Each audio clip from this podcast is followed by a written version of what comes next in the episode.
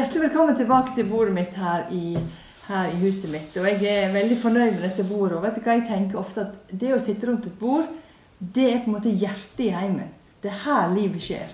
Det er her vi snakker sammen, det er her vi spiser, det er her vi faktisk lever livet våre. Og vi lever livet vårt på ulike vis, i ulike heimer, i ulike sammenhenger. Men det vi alltid ønsker vi som foreldre, det er at det skal godt, gå godt med ungene våre. Det er det vi aller helst vil. At ungene våre skal klare seg og skal få et god framtid. Skal få seg en jobb, eller skal få seg en familie. Eller skal i alle fall uansett få seg en utdannelse og ha det greit. Ha det greit. Og vi har jo delt en del meg og Mathias i forhold til utfordringer tidligere. Hvordan dette her så ut hjemme hos oss. Og jeg må si personlig og det har jeg sagt også tidligere, så var jeg ganske bekymra for hvordan det skulle gå med Mathias. Fordi at han brukte mye tid foran denne skjermen, som jeg bare så på som det største monsteret i denne heimen. Jeg bare jeg hater den nesten. Sant? Du husker det? og jeg liksom klarte ikke helt å se noe positivt. Og så har vi snakket om det, at det er positive sider ved det. Og det er også ting som du må være oppmerksom på. Mm. Og at du kanskje ikke opplevde at du fikk nok grenser. At det kanskje ble, sklei litt ut. Og litt av det har jo med at vi hadde en travel hverdag, og jeg hadde ikke tid å sette disse grensene heller. Jeg orket ikke å sette dem. Og da handler det litt om, både mor og far, at vi må faktisk ta noen valg. Vi må ha overskuddet til å kunne sette de grensene som faktisk trengs. Um, for det, det, er ikke like lett nødvendigvis å bare komme hjem fra jobb, være trøtt og sliten, og så skal du ta opp kampen. Og da blir det ofte konfliktfylt og vanskelig. Men nå sitter jeg og Mathias her. Vi har hatt flere sånne serier. Eh, og nå vil jeg bare for, fortelle dere at det, eh, Mathias har klart seg. Du har klart deg. ja. kan ikke du si litt om din vei ikke ut av gaming? For det gamer, det gjør du fortsatt. Ja. Og du trives med det. Absolutt. Bruk, hvor mye tid tror du at du bruker på gaming nå når du på en måte har fått det litt sånn normalisert, eller hva vi kaller det for? Nei, Det vet jeg ikke. Det kommer veldig an på. Altså, hvis det kommer nye spill som er kjekke å spille, så kan jeg bruke mye tid på det. Andre uker så skrur jeg ikke på datamaskinen engang. Nei. Men hva, for hva er, du, hva er det du gjør nå? Hva, hva du, du, er utdannet, liksom. du er utdannet deg, og hva er det du holder på med nå? Så jeg tok jo eh, treårig bachelor til å bli sosionom. Og jeg gama jo mens jeg studerte òg. Um, og eh, jobba ett år som tolk for oversetter fra norsk til engelsk. Eh, på Akta bibelskole her i Stavanger. Eh, samtidig som jeg jobber på en avrustningsbolig.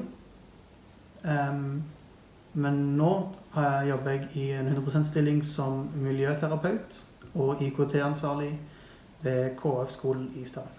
Du IKT-ansvarlig. Mm. Syns du at denne erfaringen du har fått med gaming, har gjort deg litt ekstra kompetent? Ja, absolutt. Ja. Altså, når du holder på med PC en god del, så oppstår det problemer, og så må du finne hvordan du løser problemene. Og da får du litt sånn forståelse for hvordan PC-er fungerer, eh, hvordan ting på nettet fungerer. Eh, lure måter å google på. Det er forskjell på hvordan du skriver ting på Google i forhold til hvilket resultat du får opp. og Det er ikke sikkert mamma visste Nei, det tror jeg faktisk Kanskje ikke alle dere heller. Så eh, litt sånne småting så du bare får, får med deg eh, på veien, da. Jeg tenker at Hvis vi hadde satt opp dette med gaming og den kompetansen på CV-en, så hadde ganske mange av disse gutta og jentene også fått ganske lange CV-er. Ja, mulig. Det er jo faktisk Jeg husker ikke hva, hva, de heter for noe, men det var i hvert fall en kampanje for det for rundt et år eller to år, to år siden, hvor de eh, oppfordra ungdom som hadde erfaring med spill, spesielt i forhold til lederskap, i forhold til å lede folk inne på et spill, en gruppe mennesker. Um, og kunne hjelpe dem med hvordan de kunne sette det på CV-en som en positiv ting når de skulle søke på jobb. Ja, For når du spiller og gamer, så kan du også administrere en del ting og være en leder. Mm, absolutt. Altså, Du har jo forskjellige typer spill. da. Men du ser jo alle disse e-sportstjernene. Mm. og alle de e-sportlagene har jo en som er på en måte lederen. Eh, så det er jo, ja. de, Og det kreves ganske stor lederkompetanse. og eh, taktisk forståelse. Ja, og strategisk tenkning. Ja. Altså, mm. Hvordan skal jeg nå det målet ved å gjøre dette og dette og dette? Mm. Ja. Mm. Hvordan skal jeg bruke de ressursene som jeg har til å oppnå det målet? Ja, og jeg vet jo at du har jo vært ganske aktivt i det e-sportmiljøet. Jeg husker du snakket om at du var Twitter-ansvarlig for et skotsk lag. Ja, det var en, en som jeg kjenner fra Skottland, som spiller, spilte Call of Duty profesjonelt. Eh, som da hadde satt opp et eget lag. Og så spurte han om jeg ville kjøre Twitter-kontoen, så jeg kunne oppdatere de som fulgte med på laget, på hvordan det gikk i løpet av turneringen. Kult. Ja. Jeg husker når du sa det til meg, tenkte jeg Hæ? Min, er min sønn Holder han på med det, liksom? Jeg ble virkelig imponert, Mathias. For det er jo ikke noe jeg tenker på sånn automatisk som en naturlig del av den kompetansen en får. Nei. Det er jo én ting. Strategisk tenkning. Det å være lederegenskap. Det å på en måte få laget med deg til å faktisk gjøre den jobben de har tenkt. Mm. Eh, og det der med å bruke din kompetanse videre etter at du har brukt mye tid på det, Mm. det er jo ganske fantastisk. For klart, mange av dere gutter bruker mange timer. Og det var en eller annen som sa at det ser du, pappa, der får jeg bruk for kompetansen min likevel. Du sa det var bare vekkasta. Mm. Og det er klart at vi har jo Jeg kjenner litt at jeg sitter litt sånn med litt dum følelse, men samtidig så vil jeg understreke det. At det er viktig at en faktisk får normalisert dette med spilling. Mm. For det kan fort ta over hele livet. Og det vi har gjort veldig bevisst, det er at det, Mathias og de andre har ikke fått lov til å spise og til å spise middag ved siden av PC-en. Og ikke hatt PC-en på rommet. Du hadde en kjellerstua, Mm. som var egentlig vårt alles rom, men det ble jo mancave. Det ble mitt rom. sånn ut, mancave der du var. Eh, Men også dette her med å, å kunne være ha, ha regler og være de som bestemmer i heimen. Mm. Ikke sant? Men nå jobber jo du som miljøarbeider på en ungdomsskole, faktisk. Ja. Og får du brukt noe av disse erfaringene dine opp mot de guttene og jentene som du jobber med? Av og til. Um, det er jo litt sånn enklere å komme inn i samtaler med folk, eller med elevene, da. Og de kanskje oppsøker meg litt oftere og spør om forskjellige ting som har med gaming sånn, Har du spilt det spillet? Sant? Eh, for jeg vet at det ligger en interesse for spill. Mm. ehm, at jeg har det. Og da er det lettere å på en måte ta opp en, en samtale om forskjellige ting. da. Mm. Ofte spillrelatert. Som da kan føres videre inn i andre samtaler. Ja. Andre temaer. ja. Mm. Jeg husker du, snak, du snakket om det her med å det var viktig å få nok søvn. Ja. Viktig å spise nok.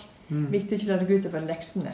Mm. Og da var en av guttene som hadde kommet hjem til mor og fortalt han jeg, Mathias har sagt at jeg må passe på å sove skikkelig og ikke spille seint på kvelden.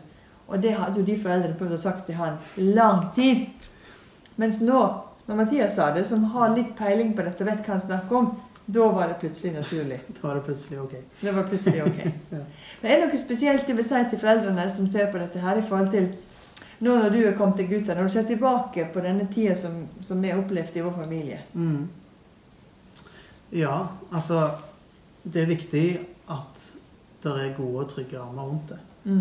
Um, og så er det jo Jeg har jo sagt det tidligere òg, men det å interessere seg for det, kanskje til og med prøve spillet Kanskje prøve spillet sammen med uh, ungen din. Mm. Ehm, så de kan vise deg, og at du viser interesse for at dette er noe du kunne tenke deg å finne ut mer av, og kanskje spille sammen med Mm. din sønn eller datter. Ehm, for det skaper jo en, en annen sosial arena da, Mm. sammen med foreldrene, som gjør at eh, barn og unge kan eh, bonde litt mer. Mm. Mm. Bonda litt mer, ja. For det handler om kommunikasjon, folkens. Det handler om det å kunne ikke bare snakke til, som jeg ofte lenge gjorde, men det Mm. handler om å snakke med. Mm. Det handler om å få den relasjonen i bånd. Det der med å faktisk tenke at eh, jeg trenger å finne noen arena til å snakke. Og da er det en del spørsmål jeg må stille. Faktisk stille noen spørsmål. Mm. Og ikke alltid ha svar. For jeg kom bare og hadde svar. Jeg klasja igjen eh, PC-en og ødela både spillet og PC-en. Ikke sant? Mm. Og ødela for han i det hele tatt. Og det der med å ikke føle seg så veldig Ikke ha så veldig tro på seg sjøl, kan også ha med min holdning til den interessen som han syntes var den kjekkeste og gøyeste i verden. Mm. At jeg snakket han ikke fram, jeg snakket han ned. Så vi må framsnakke ungene våre på denne viset. Så tenker jeg, det vil du klare. Det er en kjempegod å se gullet i han. Mm. Jeg så plutselig nye sider av han som jeg ikke hadde sett før. Og det, det tar vi med oss. Og det var liksom et, en håpsepisode om at det er, gode, det er gode ting og muligheter å komme igjennom. Mm. Selv om det har vært krevende tider, Mathias, både for deg og for meg. Men nå er vi her, og dette vil du òg klare. Absolutt. Ha det godt.